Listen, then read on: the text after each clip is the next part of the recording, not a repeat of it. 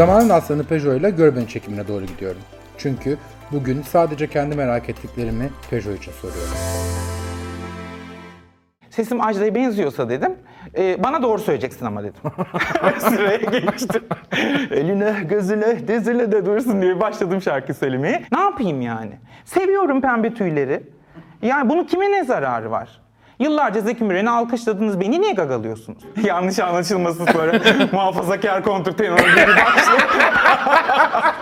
Benim bütün oyuncaklarım elinden alındı. Annemin kıyafetlerini giymeyi çok seviyordum, yasaklandı. Sevgi dolu değilim ben çünkü. yani öyle gözüküyorum belki ama aslında sen onda 20 bin tane açıp bırakıyorsun. Seni doğuracağıma taş doğursaydım. Keşke taş doğursaydın. Sezen Hanım delirdiniz mi dedim yani. ben mutlu olanım. mutlu olan benim lütfen lütfen kendi rolünüze doğru ilerleyin. ben onların hiçbiri değildim. Ailem için bir hayal kırıklığıydım. Doğdum ve zaten e, kardeşim olana kadar babam yoktu. Harun Bey hoş geldiniz. Hoş bulduk efendim. Sadece kendi merak ettiklerimi soruyorum. Biliyorum. Harun Bey yeni bir şarkı çıkardınız. Şimdi sizin uzun bir yolculuğunuz var aslında bu e, müzik piyasasında. Ben sizi ilk defa çok yıllar evvel bir arkadaşım kafası karışık tenörü seyrettin mi demişti bana. İlk o zaman seyretmiştim. E, mesela niye sizin şovunuzun adı kafası karışık tenör? Kendim koydum o ismi. Ee, yıllarca Avrupa'daydım. Ee, orada işte e, Aşura'yla, e, The Sandchild, Danimarka'yla, İsveç'le bir sürü proje yaptım. Ondan sonra buraya dönmek istediğime karar verdim ve buradaki seyirciyle bir bağ kurmak istediğime karar verdim. Ne söyleyeceğim bu insanlara dedim. Hani sahneye çıktığımda ben bir opera sanatçısıyım sonuçta. Sadece arya söylemek istemiyorum ama. E, Çünkü bir yandan da Ajda Pekkan hayranıyım, Sezen Aksu hayranıyım. Yani e, dedim böyle koydum önüme şarkıları. Ondan sonra bir baktım karman çorman bir şey. Kafası karışık kontrtenor olsun dedim. Hem kontrtenorun ne olduğunu öğrensinler. Kontrtenor repertuarından da bir şeyler olsun içinde. Hem de hem Ajda Pekkan dinlesinler, hem Sezen Aksu dinlesinler, hem Ze- Zeki Müren dinlesinler. Türkiye gibi bir program oldu yani e, repertuar oldu. Ondan sonra da e, öyle devam etti. Kaldı o üstümde. Siz opera eğitimi mi aldınız Evet, aslında? tabii. Nerede? E, altı konservatuar değiştirdim. İlk 9 Eylül Devlet Konservatuarı, opera bölümü. Ondan sonra e, Mimar Sinan Devlet Konservatuarı. Sonra Yıldız opera bölümü vardı. Orada okudum. Bir 6 ay kadar. Sonra hep bıraktım okulları. Çünkü kontrtenor e, ses için e, müfredatlarda yer yoktu. Yani okula tenor olarak giriyordum. E, fakat e, istediğim repertuarda şarkı söyleyemiyordum. Barok dönem e, sanat e, şey yorumcularıyız biz aslında. E, ve o dönem eğitimi eski müzik okullarında Avrupa'da veriliyor. Burada o zamanlar yoktu. Biz açtırdık ama iki arkadaş e, Kaan Buldular, bir diğer kontrtenor. E, ben İstanbul Devlet Konservatuarı'nda ilk kontrtenor müfredata girdi. Ama benim artık kaçıncı, beşinci konservatuarımda o. Ee, İstanbul Devlet Konservatuarı'nda e, nihayet kontrtenor eğitimi almaya e, hak kazandı e, insanlar. Hepsine sınavla girmediniz değil mi? Oradan oraya kaydoldunuz, oradan oraya kaydoldunuz. Hepsini sınavla girdim. Hepsini sınavla Hepsine. ayrıca Çünkü elimi kolumu sallaya sallaya çıktım. En baştan başladım hep. En baştan başladım. Hiç şey yapmadım yani. Nasıl diyeyim? Mesela işte Mimar Sinan'a girişimi söyleyeyim size. Mimar Sinan'a girdim. Çok güzel, e, ha- harika, her şey yolunda. E, fakat hocamdan memnun kalmadım. Hocamı değiştirmek istedim. E, okul müdürü, e, o dönem e, bölüm başkanı e, böyle bir okul içindeki şeyler yüzünden, sürtüşmeler yüzünden hiç müzikle alakalı olmayan bir adamdı. Benim hocamı değiştirmeme izin vermedi. Ben okulu dava ettim. E, velilerle birlikte gittik dekanlığa çıktık, annemler geldiler, herkesin böyle şikayetleri varmış. E, Ergen Bey dinliyorsa buradan anneme şey demişti, işte opera bölüm başkanı olarak gittik yanına konuşmaya. Ben dedi operadan anlamam dedi. Annem dedi, nasıl yani siz opera bölüm başkanı değil misiniz? Ay Allah uzun ömür versin yaşıyorsa. Yani öyle e, konservatuarların içi de çok yıllar içerisinde boşaldı ve çürüdü. E, ne yazık ki e, iyi eğitim veren kurum sayısı ülkede çok az. Her- Kontrtenör ne demek? Bize bir anlatın. Kontrtenor ne demek? Ee, bu barok döneme dayanan e, bir e, şarkı söyleme geleneği. Kadın ses aralığında şarkı söyleyebilen erkeklere e, kontrtenor e, diyorlar. Kadın sesli, kadın rollerini seslendirebilen, e, o dönemki e, bazı yerlerinde Avrupa'nın kadınların sahneye çıkması yasakmış. E, bu nedenle de kontrtenorlar kadın rollerini seslendiriyorlarmış. Bazen de kastratlar, çoğu zaman kastratlar. Kastrat dediğimizde hadım edilmiş erkekler. Blue çağında kimsesiz çocukları kilise hadım ediyormuş sesi güzel olanları koroda söyleyenleri. E, ve onlar bayağı soprano e, registerında e, şey, aryalar söyleyerek e, sahnede kadın böyle, böyle bir bir sürü film var bununla ilgili. Farinelli filmi var. Ondan sonra insanların izleyebileceği bir de sahne güzeli miydi? Öyle bir film vardı. Shakespeare'in oyunlarında e, kadın rollerini tiyatroda da erkekler canlandırıyormuş. Kim fark etti ki sesiniz e, şarkı söylerken kadın sesi aralığında? Kim fark etti bunu? Ya ben mutasyon sestim. Yani şimdi e, mutasyon ses şöyle. Blue çağında erkeklerin sesleri kalınlaşır ya. Benimki kalınlaşmadı. Yukarıda kaldı. Böyle bu şekilde konuşuyordum sürekli. Tamam böyle hocam nasılsınız evler ne var ya ilk e, e, bunu fark eden ilk fark eden Güzin Gürel'di profesör hocam. E, bu bir aslında şey problem. Çünkü beni insanı yoran bir şey o register'da. Ama kontrtenor olduğumu Ajda Pekkan sayesinde keşfettim. Nasıl yani? Vallahi. Ya ben bir buçuk yaşımdan beri Ajda hayranıyım. Ee, o benim kahramanım. Ee, hala da öyle. Ee, ondan sonracığıma o ne yaparsa o, o büyüyünce Ajda olacağım ben belli yani. Şarkı söyleyeceğim. işte a- a- aynen öyle. Ona karar verdim. Çok güldürdün. Gülmeyin bak hikaye gerçekten böyle başladı. 11 yaşındaydım. Ee, ortaokulda yani bir eşcinsel çocuk olarak inanılmaz dışlandığım bir dönem. Okulda hiç arkadaşım yok. Sadece 3 tane kız benimle görüşüyor. Ee, ve akran zorbalığının zirvesini yaşıyorum.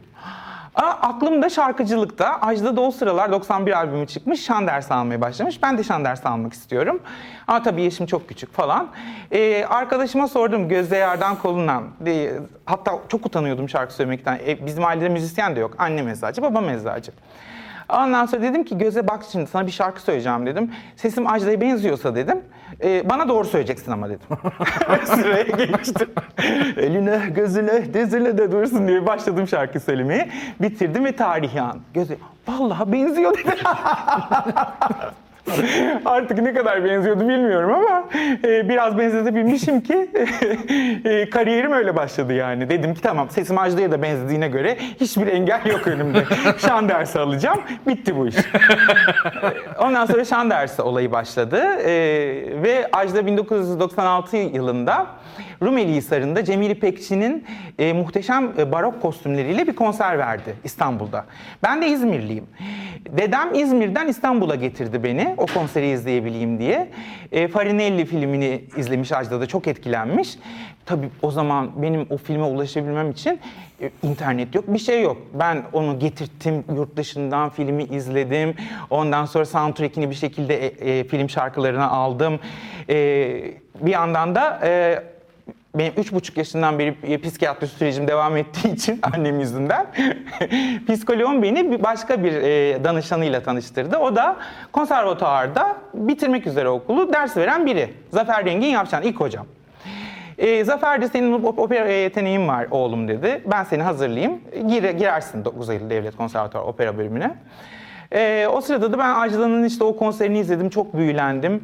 Böyle karışık anlattım biraz ama işte barok müzik aryaları, o Rumeli Hisarı o zaman mescit yapılmamış daha. Sahnede Ajda var mescidin yerinde. Çok büyülendim Armağan Bey. Çok büyülendim ve o şarkıları kendi kendime çalışmaya başladım. Sonra hocama sordum. Dedim ki ben bu şarkıları söyleyebiliyorum. Yani o seslere çıkabiliyorum. Bu ne demek? Ya dedi kontrtenor olabilirsin dedi. Kontrtenorluk diye bir şey var yani e, barok dönemden kalma bir şarkı söyleme geleneği. Belki böyle bir şeydir dedi ama bilemiyorum ben de dedi yani hiçbir örneğiyle karşılaşmadım.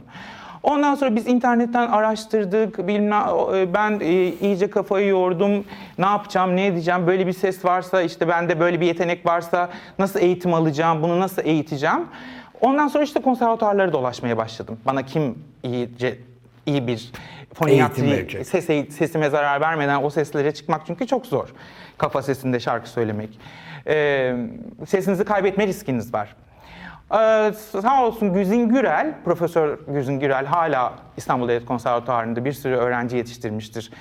dünya çapında Burak Bilgili baritonumuz, ondan sonra Hale, e, o, Soner, çok e, önemli isimler kazandırmış opera camiasına bir e, hanımefendi. Hocam oldu. 9 sene onunla çalıştık. Hatta benim İsviçre'de burs aldım sonra. İsviçre'de iki sene eski müzik okulunda okudum. Stil vesaire için. Okulumu bile o seçmiş göndermiştir yani. Ona çok şey borçluyum. Buradan izlerse hocama da selamlar olsun Gizlin hocama. Ee, Türkiye'nin en iyi hocasıdır. Harun Bey, ben sizi e, uzun yıllardır tanırım. E, artık hani yakında tanıyor sayılırım. Mesela sizin müzik piyasası için fazla naif olduğunuzu düşünürüm hep. Çünkü müzik piyasası biraz yılanlık ya bilmiyorum. Yani yani inanın e, yılansalar bile bana hiç o yüzlerini göstermediler.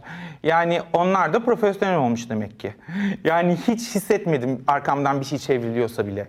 Ama hiç şeyi anlayamamışımdır. Hani bunca yıldır uğraşıyorum, e, iyi bir sesim var, eğitimliyim, e, sahnelerim hep dolu. E, hani istediğim yerde miyim? Değilim e, hala büyük kalabalıklara ulaşmaya çalışıyorum. İşte Sezen Aksu ile düetim çıktı. Ondan sonra cima işte Aşarman'la röportaj yaptım. Şimdi sizin karşınızdayım. E, bir türlü o bağ kurulamadı henüz benim istediğim bağ. Tam da bunu soruyorum işte. Ee, bunun sebebi ne olarak görüyorsunuz? Mesela ben hep şöyle düşündüm sizin için. Piyasaya göre o kadar naif ki oyunu kurallarına göre oynamıyor. Oyunu kurallarını bilmiyor olabilirim. Bunu söylüyorum Yani bilmiyor olabilirim. Oyunun kurallarını bilmiyor olabilirim. Ee, e, bir de ben şey e, iki yüzlü bir sevgi peşinde, seyirci sevgisi peşinde değilim. Yani bana çok önerenler oldu. Hani bu senin özel hayatın. En başta annem. Kendisi iki tane nişan, bir tane düğün yapıp bütün dünyaya evlendiğini e, bas bas bağırmış bütün Türk halkı gibi e, bir kadın. Ama bana gelince eşinselsen özel hayatın. O senin özel hayatın. Kimseyi ilgilendirmez, kimse bilmek zorunda değil. Pardon da yani beni eğer bir seyirci olarak, dinleyici olarak alacaksan yani ben bu çocuğu seviyorum, dinliyorum, çok güzel. Bu çocuk eşcinsel bir sanatçı. Ee, bunun da beni ilgilendiren hiçbir tarafı yok. Ama e, yani insanlara paket olarak kendimi hep sunmak istedim. Belki o itici geliyor olabilir. Yani e, biz seni merak etmiyoruz ne yaptığını özelinde. Sen e, çık takım elbisenle şarkı söyle ne bu kıyafete. İçimden bunları giymek geliyor. Ne yapayım? Sizin hoşunuza gitmiyor diye ben başka türlü mü giyineyim yani? Ne yapayım yani? Seviyorum pembe tüyleri. Yani bunun kime ne zararı var? Yıllarca Zeki Müren'i alkışladınız, beni niye gagalıyorsunuz? Yani. Ee, ben onu anlamıyorum. Bir türlü an, kafam basmıyor, gerçekten basmıyor. Ama bu yüzden olabilir diye düşünüyorum. Belki bu kadar gerçek bir şeyle karşılaşmak rahatsız ediyor olabilir insanları. Ama bence onlar da aşacaklar bunu. Ben de vazgeçmeyeceğim. Çünkü ben sizi defalarca kez seyrettim. Çok iyi bir sahne şovunuz var. Çok iyi şarkı söylüyorsunuz. Çok teşekkür ederim. İnsan o şova geldiğinde çok eğleniyor. Ee, işte ne bileyim Dom Dom Kurşun da dinliyor. Gerçekten bir Arya da dinliyor. Ne bileyim barok dönem müziği de dinliyor. Candan Erçetin'den bir şey de oluyor. Bir şey de Aynen. oluyor. Çok da eğlenceli ve hep geldiğinde dolu mesela. Yani seven bir kitle var. Ee, zaten tanışan seviyor ama bu garip bir şey işte. Mesela Sezen Aksu bile bu zinciri kıramadı. Yani Sezen Aksu ile düetimiz bile daha kimsenin bilmediği bir sürü bilmeyen bir sürü insan var. Yani artık medya o kadar dağıldı ki her yerde olmak zorundasınız. İşte YouTube'da, televizyonda. O yüzden benimle söyle programında zaten jüriydim. Ondan sonra cima e, her yerde olmak bile yetmiyor. Ne yapmak gerektiğini ben de bilmiyorum. Siz aslında e, deneyimli bir televizyoncusunuz. Bana söyleseniz söyleseniz siz söylersiniz çaresini. ne yapayım Taksim'de kendimi mi yakayım? Yanık kontrtenor. Bütün tüyleri üstüne yapışmış. Perişan bir halde. Bazen kendimi Recep İvedik ses gibi falan hissediyorum. O da onun kafanın tepesine çıkıp bağırıyordu ya bana albüm yapın diye. Ne oldu o adam acaba? Duruyor duruyor. Duruyor mu? TikTok'ta Allah- hesabı var görüyorum bazen. Ay Allah uzun ömür versin. Duruyor duruyor. Ee, böyle Bülent Ersoy gibi elimde sürekli Allah uzun ömür versin falan diye hiç öyle bir karakter değilim bu arada. Bunlar hep ağzıma yapışmış kalıplar. Yani ne kadar ömrü varsa o kadar yaşayacak. Yani kimse vermiyor o ömrü. Bence yani. Yanlış anlaşılmasın sonra. Muhafazakar kontrtenor gibi başlıyor. Yok hiçbir şey muhafaza etmek istemiyorum. Mümkünse değiştirelim.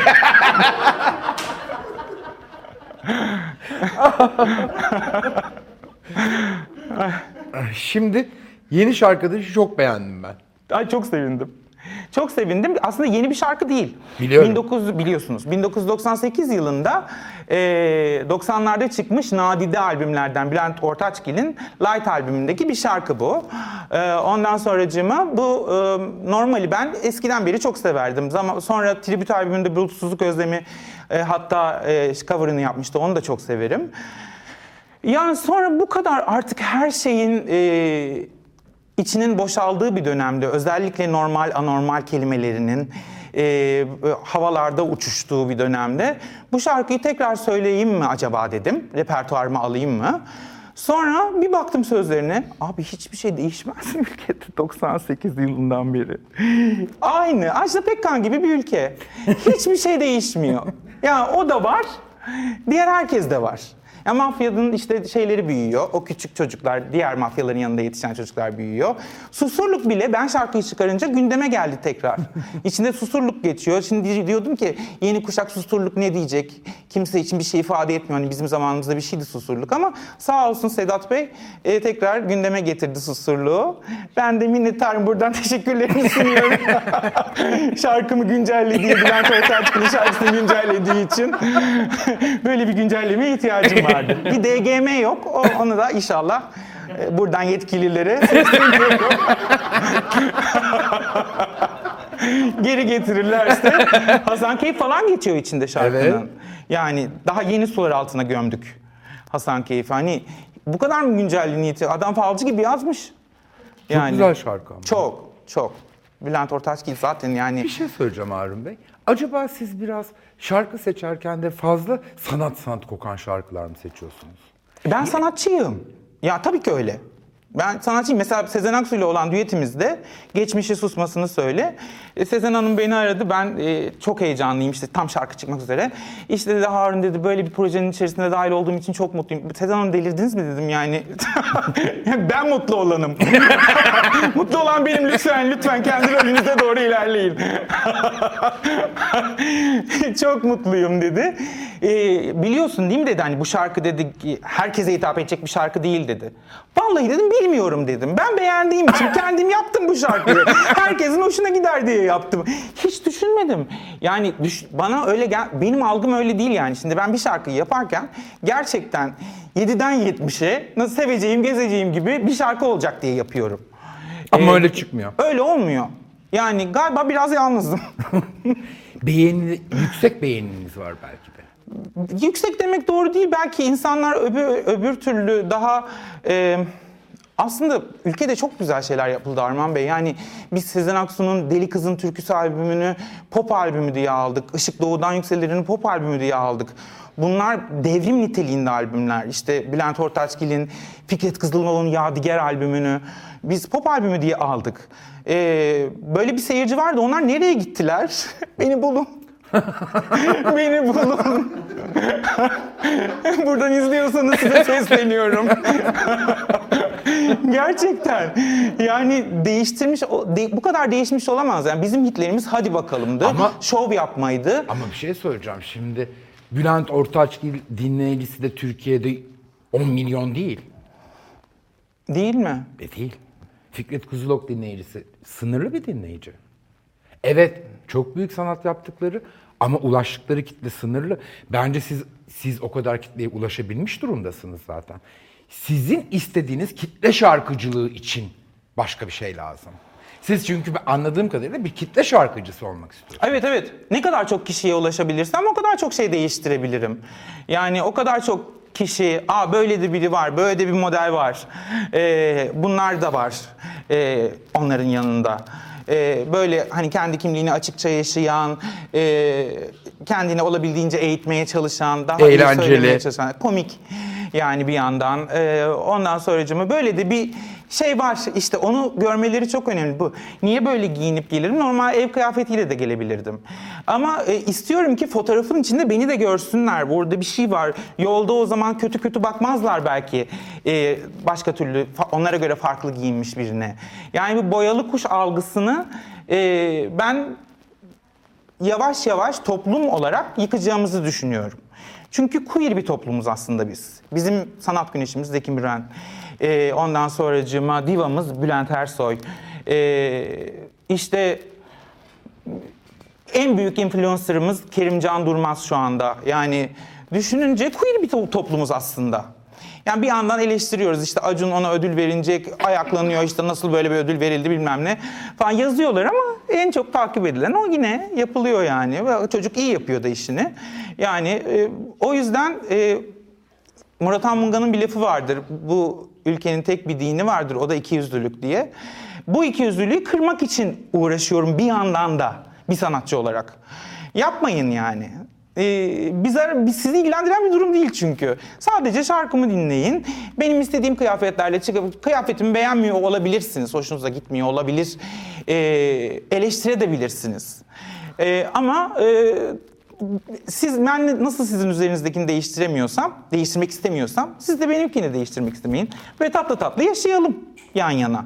Başka çare- çaresi yok çünkü bu bir varoluş yani.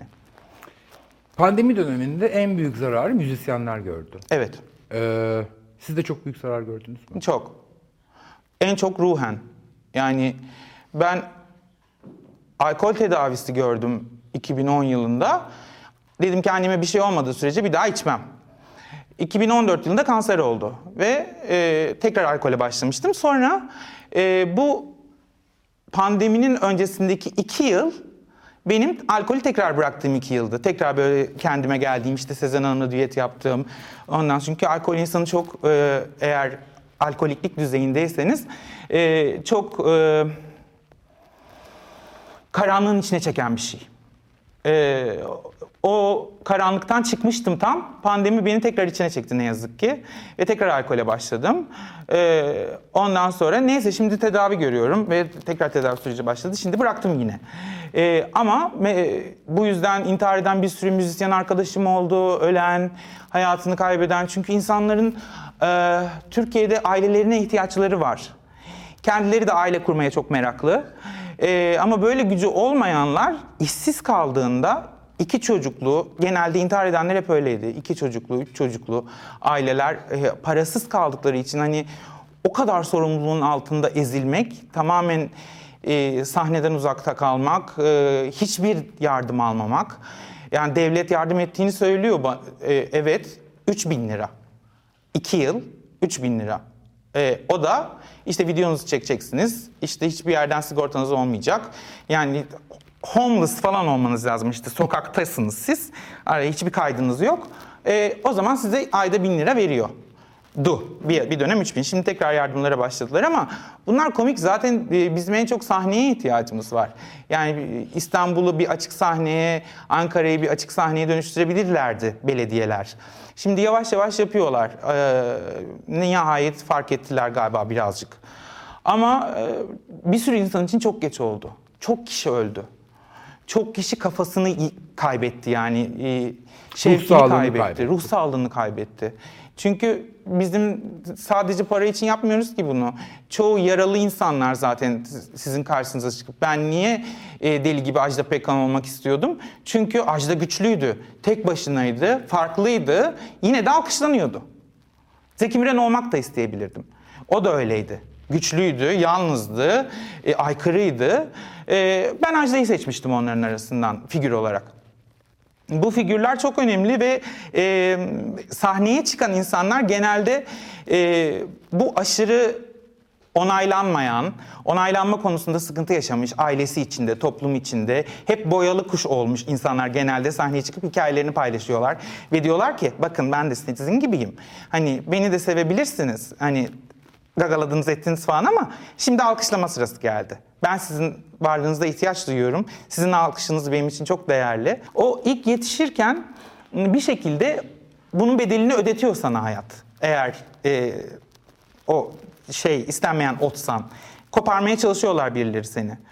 İşte koparam, kopar, koparılmamayı başarırsan, bir şekilde hayatta kalmayı başarırsan, işte Ajda'nın şarkısındaki gibi yıkılmadım ayaktayım, e, işte meydan okursan e, bir şekilde e, o alkışla ruhun doyuyor.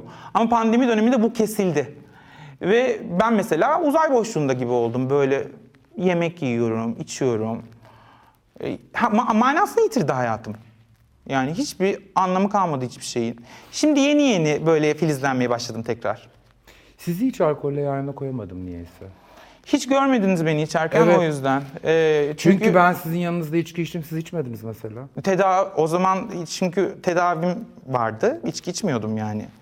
E, tedavi olmuştum. E, o iki yıl içerisinde biz sizinle karşılaştık. O iki yıl boyunca zaten hiç içmedim, ağzıma sürmedim. Alkolikler öyle oluyor. Ya hep içiyorlar ya hiç içmiyorlar. öyle arada içmek diye bir şey yok. Hani bir kadeh doldurayım da. Hiç, kafamda hiç hiç oturmadı. Hiç. Hiç yani. Çünkü siz ben sizi tanıdığımdan beri siz gayet bilinçli, aklı başında konuşan, e, ne konuştuğunda neyin nereye gideceğini bilen, hayatına istediği gibi yön veren bir insansınız. Ya öyle değil. Bir sürü yaralar var. Büyürken e, yaşadığın travmalar var.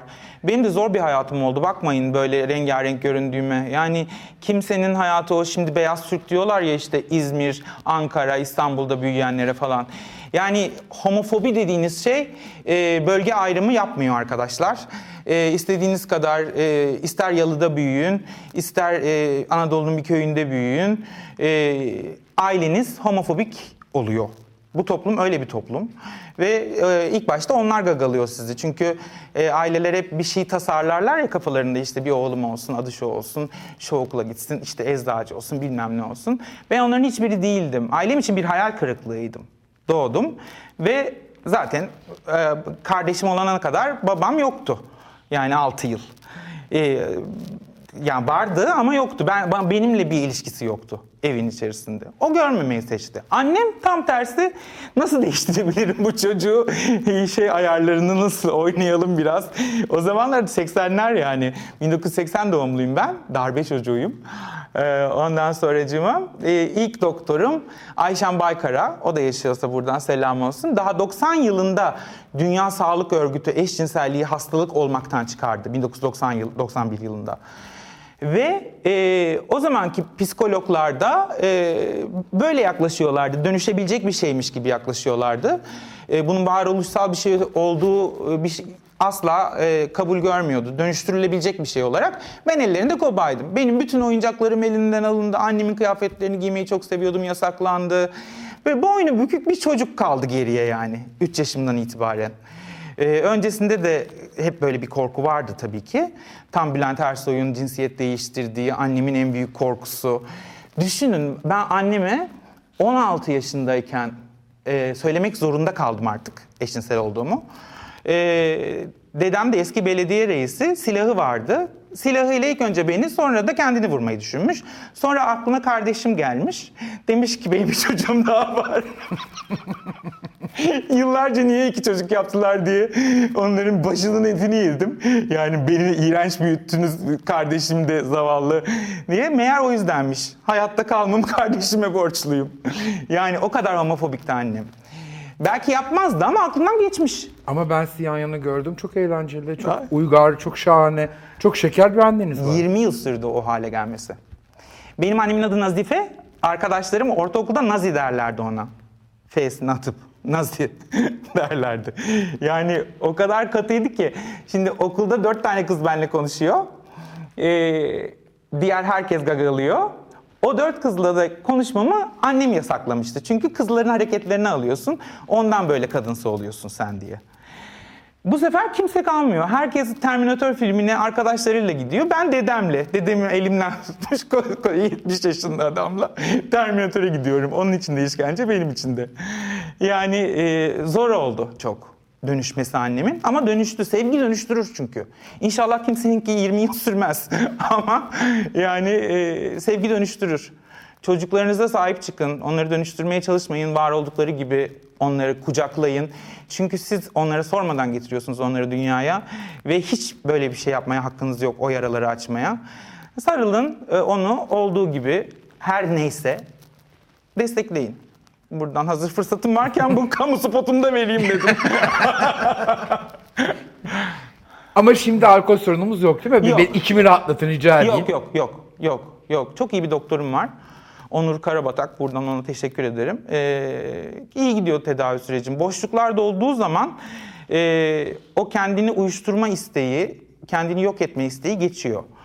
Çünkü öbür türlü hatırlıyorsun o, o içinde o kırık çocuk yaşıyor bir yandan çünkü sizinle beraber. Yanında bir e, olgun yetişkin olmayan bir, e, yaralanarak büyümüş çocukla birlikte yaşadığınız için e, içki ya da başka şeyler e, işte Masumlar Apartmanı'nda izliyoruz. İnsanın sevgisizlik neler yapabiliyor? Hani Gülsen Buğdaycıoğlu'nun hastalarından e, yola çıkılarak yapılmış di- diziler ya. E, aslında çok benziyor şeyler, hikayeler birbirine. Herkesin hikayesi. Ee, kadınların hikayesi. Hani sadece LGBT artılar için söylemiyorum. Türkiye'de kadın olmak da çok zor. Bir sürü ezberle e, evleniyorlar. Bellerine kırmızı e, bekaret kemeri takılıyor. Bilmem ne bakire olmak zorundalar. Erkekler herkesle sevişmek zorunda. çok garip bir yer burası yani. O kadar şey ki e, o anneler de tabii ki hastalıklı çocuklar yetiştiriyor. Ee, ne bileyim ben, ben de e, sosyolog değilim Ee, ama bu, bunca zamandır düşündüm, düşündüm, düşündüm, düşündüm. Ee, aile yapısıyla alakalı her şey. Öfkeli misiniz? Öfkeliyim tabii. Öfkeliyim. Ama e, iyi ki şarkılar var. E, o beni bir şekilde yatıştırıyor. Sahnede e, istediğim gibi konuşmak, sizin karşınızda istediğim gibi konuşmak, e, oturmak bu öfkeyi dindiriyor. Yani seyirciyle de öyle bir öfke ilişkisi var. Belki bu yüzden de çok genişlemiyor kitlem. Sevgi dolu değilim ben çünkü. yani öyle gözüküyorum belki ama aslında e, her türlü haksızlık, okuduğum her türlü istismar haberi, e, ha- hayatımızı cehenneme çeviren aileler ve toplum e, beni çok sinirlendiriyor. Ve bu sinirimi şarkı söyleyerek bastırıyorum ve bir an önce değişmelerini, bir an önce daha e, e, yan yana görmek istiyorum herkesi. Böyle sevgi, barış, kardeşlik, pıtırcık gibi oldum ama değil yani. Ölüyor insanlar bu yüzden. Yani biz ölüyoruz. Bayağı öldürülüyoruz sokakta. e, darp ediliyoruz falan filan. E, o yüzden hani ölmeyelim diye diyorum. Yani biz de yaşayalım. E, Acaba bütün bu süreç kendinizi annenize ispat süreci mi? Kendime anneme ispat süreci mi? Olabilir. En büyük seyircilerimden biri o. Size geldiğimi duydu. Hemen dedi ki simsiyah giyin çok kilo aldın. Sakın çok makyaj yapma. Kötü gözüküyor. Bak gözlerin altına akıyormuş gibi gözüküyor. Anneciğim dedim yıllardır seni dinlemediğimi biliyorsun. Siyah giyin dersen en renkli kıyafetlerimi giyerim. Makyaj yapma dersen en çok makyaj yaparım. Acaba sen de bunları mı istiyorsun? Beni böyle görmek mi istiyorsun? Niye böyle devam ediyor şeyimiz bizim. Ama annem tabii ki e, benim en büyük şansım ve en büyük şanssızlığım bir yandan da. Ee, babam için öyle diyemeyeceğim. O genelde şanssızlık bölümü ağır basıyor onda. Ee, Yaşıyor mu baban? Yaşıyor mu baban? Yaşıyor yaşıyor. Ee, yaşıyor. Aramızda gayet iyi. Ee, ama tabii insan... Ay en son Masumlar Apartmanı'nda vardı. Çok güzel bir cümle- cümleydi. Affetmese de sevmeye devam ediyorsun. O senin ailen. Babamla öyle bir ilişkimiz var. Tabii ki affedemiyorsun. Yani istediğin kadar tarayıpı gör, aile dizimi gör, şey yap, hipnotize etsinler, ne yaparsan yap. Yani bir çocuk, o çocuk affetmiyor en azından. Ama ben e, büyük bilinçli bir birey olarak e, onun da bir Türk ailesinde yetiştiğini, kim bilir neler yaşadığını, e, travmalarını empati yaparak e, onu bir şekilde kabul ediyorum babam olarak. Ve e, ilişkimizde kavgasız, gürültüsüz sürüyor. Allah uzun ömür versin diyeyim yine. Şey oldu bu da bugün en çok kurduğum cümle. Yeğeniniz oldu bir tane. Evet. Çok seviyorsunuz. Çok. Ben çocuk sevmem genelde. İnsanların üremesine karşıyım çünkü. Yani artık durun diyorum yani. Durun şu kalanlarla gezegeni bir tekrar temizleyelim şu müsilajdan. Ee, ondan sonra tekrar üreyecekseniz üreyin. İnşallah bu aşıda e, kısırlık yapacak diye bir dedikodu çıkardılar ya. Yapar diye dua edenlerdenim. İnşallah olur. Herkese aşılayacaklar şimdi Lynch dünyada. is loading. Vallahi umurumda değil. Üremeyin kardeşim doğru düzgün bakamıyorsunuz işte. Yani linç gerçekten umurumda değil. Gerçekten bakamıyorlar. Hiç hazır değil aileler çocuklarına Arman Bey. Yani en okumuşundan en okumamışına kadar yani de- rahmi olan doğuruyor yani. Böyle bir şey yok ya. Yok böyle bir şey. Senin kitap okuman lazım. Senin çocuğa nasıl bakılacağını, nasıl davranılacağını öğrenmen lazım. Hazırlanma. Hayvan değilsin ki sen. Yavrula 3 ay emzir ondan sonra sal doğaya. Öyle bir şey değil. İnsan muhtaç bir canlı. Senin onun nasıl davrandığınla büyüyor. Sen onda 20 bin tane açıp bırakıyorsun. Seni doğuracağıma taş doğursaydım. Keşke taş doğursaydın. Yani çünkü o da topluma zarar veriyor senin ona yaptığın travmalar yüzünden. Ee, bu böyle bir kısır döngü. O yüzden ben üremesini arıyorum. Kötü bir niyetim yok yani. Siz kendi hayatınızı zorlaştırıyorsunuz. Kardeşim de bana ilk sorduğunda e, biz çocuk yapmayı düşünüyoruz diye. Dünyayı gezin salak mısınız siz dedim. Bak annem daha Paris'i görmedi. İki tane çocuğu var. Yani Paris önemli bir yer değil ama hani bir gezegen ya bu. Yuvarlak olduğunu anlamadı kadın yani gezmedi daha. Ee, bir uzun bir tekne turu olur bir şey olur. Görmeden gidiyor bu insanlar. Ne yapıyorlar? Çocuk yapıyorlar. Sonra o çocuğun ıı, yaralar açıyorlar. Sonra o yaraları iyileştirmeye çalışıyorlar. Böyle Masumlar Apartmanı gibi aynı apartman dairesinin içinde geçiyor hayatımız. O yüzden diyorum kardeşime de yapmayın dedim. Şimdi seviyorum tabii ki yeğenimi. Olunca seviyorsun. Ne yapacaksın? Aslan atılmaz, aslan satılmaz. Artık bitti. Çok da şeker. Ha, çok tatlı. Çok. Çok tatlı bir şey. İnşallah tabii ona severken de içim titriyor. Yani çok travmatik bir şey. Yani o çocuğun o kadar savunmasız olduğunu görüyorsun. En küçük bir mimiğinle yara alabileceğini biliyorsun. Kendi çocukluğunda yaşadığın için ben tabii aşırı terapi gördüğüm için terapist gibi oldum. o yüzden herkese kızıyorum. Böyle şey panter anne olurdum herhalde çocuğum olsa. Sen ona nasıl öyle davranırsın diye ama çocuğun da gitmesi lazım o sırada bakıcılar tarafından alınıp bir yere götürülüp sonra ben ona çemkireyim. Yani çok zor bu dünya ya. Bakın benim de bir sürü yaram var. Ee, iyileştirmeye çalıştığım, affetmeye çalıştığım şeyler var. Ee, ama bir şekilde çıkıyorum sahneye şarkımı söylüyorum. Siz de bırakmıyorsunuz peşini e, işinizin. Ee, benim gibi insanları çıkartıyorsunuz. Ee, Gör Beni diye bir program yapıyorsunuz ki beni görsünler. Ee, ondan sonracığıma bu, bunlar hep misyonerlik yani. Misyon bu yani. Ee, ve e, toplumu dönüştürecek, iyi anlamda dönüştürecek şeyler de buradan geçiyor. Yani siz de burada e, Survivor gibi bir program yapabilirdiniz. Böyle tatlı tatlı oyunlar oynardık beraber. O da izlenirdi. Yani her, her şey izleniyor. Ama dönüştüren şeyler genelde bu e, diyaloglarla, insanların kendini anlattığı şeyler. Aa bak ben çok programdan sonra e, şey işte en son Babala TV'de böyle bir e, psikologla muhabbet ettim. E hemen yorumlar gelmeye başladı. Ben size kadar işte e, homofobik zannediyordum kendimi aslında değilmişim. Değilsin tabii niye homofobik olasın ki sen? Yani e, homolar insanlara saldıran canlılar değil ki. Yani seninle e, benim ne gibi bir kötü ilişkim olabilir? Seni nasıl kötü etkileyebilirim? Yani eğer çocuklar e, eşcinsellerden etkilenip eşcinsel olsaydı şu an ülkenin %90'ı eşcinseldi zaten. Her yıl başında biz Zeki Müren izledik. Yani 12'de o çıkıyordu karşımıza ya. En önemli figür oydu. Ya dansöz olacaktık ya Zeki Müren. Ya etkilenmekse olay. Alakası yok. Bunun varoluşsal bir şey olduğunu e, anlamaları lazım. Ne bekliyorsunuz gelecekten? Gelecekten ne bekliyorum? Daha çok seyirci bekliyorum. Daha çok şarkı söylemek istiyorum. Ee, söylemek istediğim bir sürü şarkı, yapmak istediğim bir sürü şey var. Daha çok konser vermek istiyorum. Ee, o çocuk, o e, benimle beraber olan çocukluğum, o küçük çocuk daha mutlu olsun istiyorum. Ee, yanında ben varım artık çünkü. Bak diyorum. Geçecek. Bak ben buradayım. Sakin ol. Ee, o yüzden böyle şeyler, güzel şeyler istiyorum. Geldiğin için çok teşekkür ederim. Ben teşekkür ederim. Çok keyifli bir sohbetti. Çok. Sizi yakından tanımak çok daha güzeldi. Umarım e, gelecek bugünden çok daha güzel olur.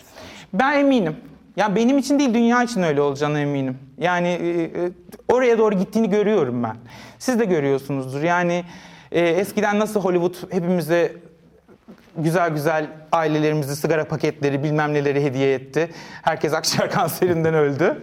Şimdi de e, Netflix var. E, bir sürü büyük platform var, YouTube var ve insanlar bizi göre göre göre göre yan yana yaşamanın ne kadar renkli ve güzel olduğunu anlayacaklar. Çok teşekkür ederim. Sağ olun. Ben teşekkür ederim.